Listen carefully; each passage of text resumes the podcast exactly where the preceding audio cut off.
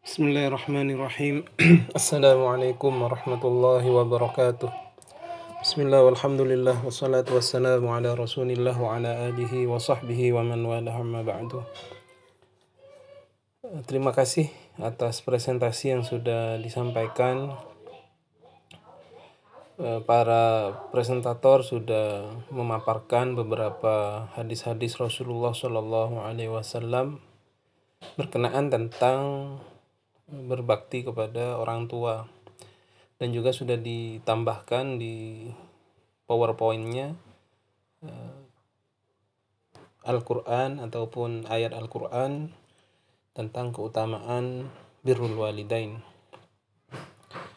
Semuanya sudah bagus sudah diberi penjelasan hadis-hadisnya yang semuanya berkenaan dengan birrul walidain saya akan menambahkan salah satu hadis yang terdapat uh, dalam kitab Riyadhus Shalihin nomor hadis 318.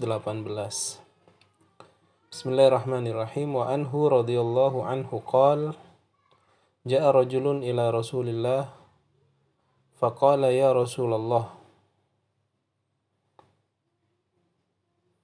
Man ahaqqun nas bihusni sahabati? Qala ummuka Qala summa man qala ummuka qala summa man qala ummuka qala summa man qala abuka. Muttafaqun alaih. Datang seseorang kepada Rasulullah Shallallahu alaihi wasallam kemudian dia berkata, "Wahai Rasulullah, siapa yang paling berhak menu, uh, oh, siapa yang paling berhak dengan bagusnya perangaiku, bagusnya penghormatanku. Kemudian Rasulullah berkat, bersabda, ummuka, ibumu. Qala berkata laki-laki itu, summaman. Kemudian siapa Rasulullah? Qala berkata Rasulullah, bersabda Rasulullah, ummuka. Kedua kalinya juga dijawab ummuka, ibumu. Qala summaman. Kemudian siapa Rasulullah? Qala ummuka. Yang ketiga juga dijawab ibumu. Qala summaman. Kemudian siapa Rasulullah? Qala abuka. Kemudian yang keempat adalah ayahmu. Muttafaqun alaih. Hadis ini disepakati oleh Al-Imam Bukhari dan Imam Muslim. Wa fi riwayatin dan dalam sebuah riwayat ya Rasulullah wahai Rasulullah man haqqu bi husni suhbah. Lafadznya berbeda ya.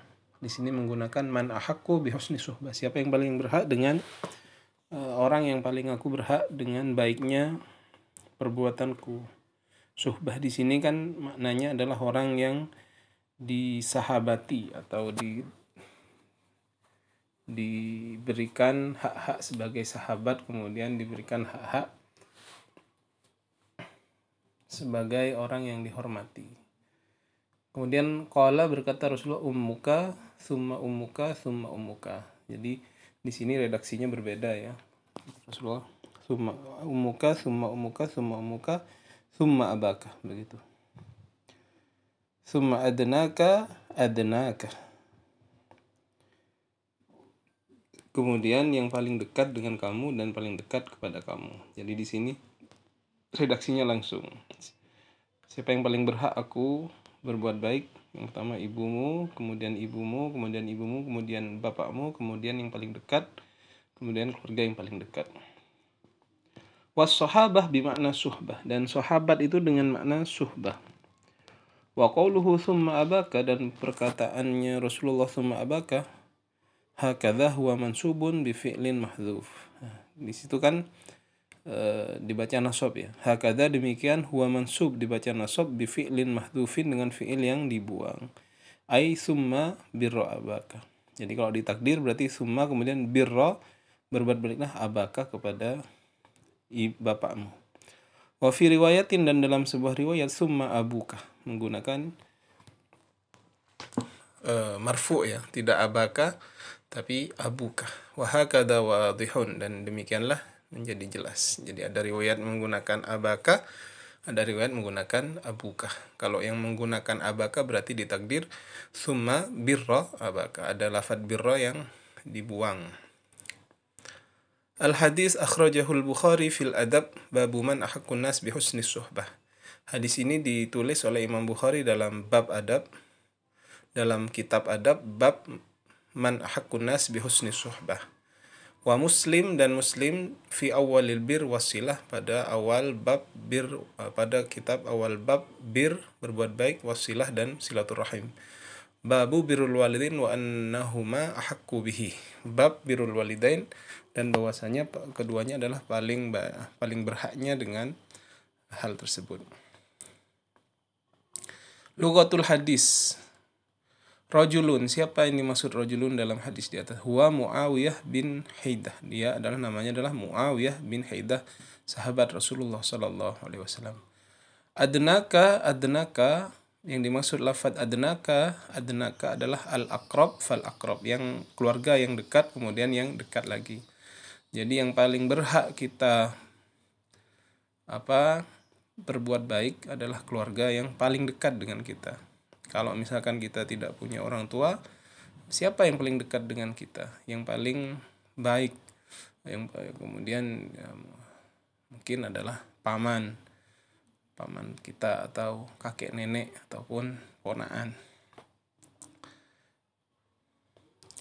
Afadal hadis apa yang kita dapat dari hadis ini? Yang pertama ziyadatul wasiyah fil um li fiha wa hajatiha adalah tambahan wasiat bagi seorang ibu karena lemahnya ibu itu dan kebutuhan-kebutuhannya seorang ibu. Jadi uh, kalau laki-laki biasanya gampang memperoleh kebutuhan-kebutuhan setiap harinya. Namun kalau perempuan karena memang bukanlah orang yang menanggung sebuah keluarga, biasanya perempuan hanya menerima menerima nafkah dari seorang laki-laki. Maka disebut perempuan itu doif karena kadang-kadang memang banyak dari mereka yang tidak bisa e, menghasilkan pekerjaan sendiri. Maka dari itu seorang anak diperintahkan oleh Rasulullah SAW untuk berbuat baik kepada seorang ibu ya. Kemudian wa anna ikramal qarabah laisa ala darajatin wahidah dan juga bahwasanya mem memberikan penghormatan kepada keluarga dekat itu tidaklah atas derajat yang sama. Artinya ada yang mendapatkan prioritas, ada yang harus kita prioritaskan, baru eh, kemudian selanjutnya selanjutnya. Jadi kalau kita punya sodakoh misalkan ya kita harus mencari di lingkungan keluarga kita. Kita ingin bersodakoh cari di lingkungan keluarga kita. Apakah ada orang yang butuh daripada uluran tangan kita maka kita dahulukan. Setelah itu kalau tidak ada baru orang lain. Kemudian yang kedua istadallal fuqaha bihadal hadis ila anna rajul idza wajaba alaihi nafaqah abihi wa ummihi wa la yamlik illa nafaqatu ahadihima kuddimat al-um. Maka al-fuqaha beristidlal mengambil dalil dengan hadis ini bahwasanya seseorang apabila dia mempunyai kewajiban untuk memberikan nafkah kepada kedua orang tuanya, ayah dan ibunya, dan dia tidak mempunyai kecuali nafkah yang cukup untuk salah satu di di antara keduanya, kalau tidak bisa diberi semua, maka dia harus mendahulukan seorang ibu di ibunya didahulukan. Ya dengan sebab yang tadi kalau laki-laki dia mudah gampang lebih mudah daripada orang perempuan untuk mendapatkan pekerja, uh, pekerjaan yang menghasilkan uang. Tetapi untuk kaum perempuan yang tidak tidak biasa bekerja ini menjadi suatu yang susah sekali. Juga teman-teman saya membaca dalam kitab tafsir Asy'arawi bahwasanya kenapa di sini ibu didahulukan ini agar manusia yang sedari kecil biasanya melihat bahwasanya yang tampak bagi dia kasih sayangnya itu adalah biasanya adalah orang tua laki-laki karena biasanya yang terlihat berperan di rumah tangga mempunyai e, nafkah mempunyai uang itu adalah orang tua laki-laki, ayah. Sehingga anak merasa ayahnya ini mempunyai hak yang besar atas dia. Mempunyai sesuatu yang harus dia berikan kepada ayahnya karena ayahnya sudah berbuat baik kepada dia. Nah, di sini Allah eh, Rasulullah ingin memalingkan kita bahwasanya ada eh, sosok ibu di mana ibu ini perannya sejak 9 bulan di kandungan tidak terlihat oleh si anak. Bahkan saat 2 tahun sampai umur berapa tahun itu dia ketika disusui oleh ibunya itu tidak merasa kebaikan-kebaikan ibu ini. Makanya eh, Allah sering menggandengkan antara eh, beribadah kepada Allah dan birrul walidain terutama eh, kepada ibu ya. Wabil walidain ihsana dan ayat-ayat yang lain itu. Karena manusia tidak sadar ketika berada dalam kandungan masih berupa janin. Kemudian ketika menyusui itu tidak sadar. Makanya Allah di sini dan Rasulullah dalam hadis-hadisnya ingin memalingkan kita bahwasanya ibulah yang paling berperan ya.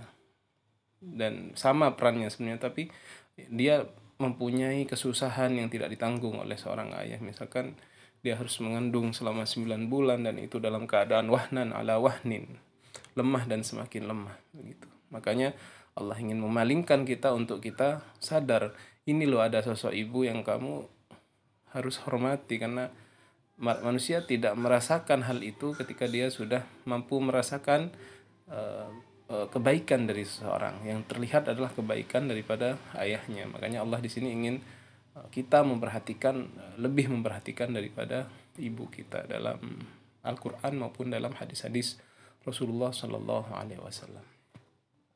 Saya kira demikian teman-teman. Mudah-mudahan apa yang saya sampaikan bermanfaat. Ila liqa fi liqa'in akhar.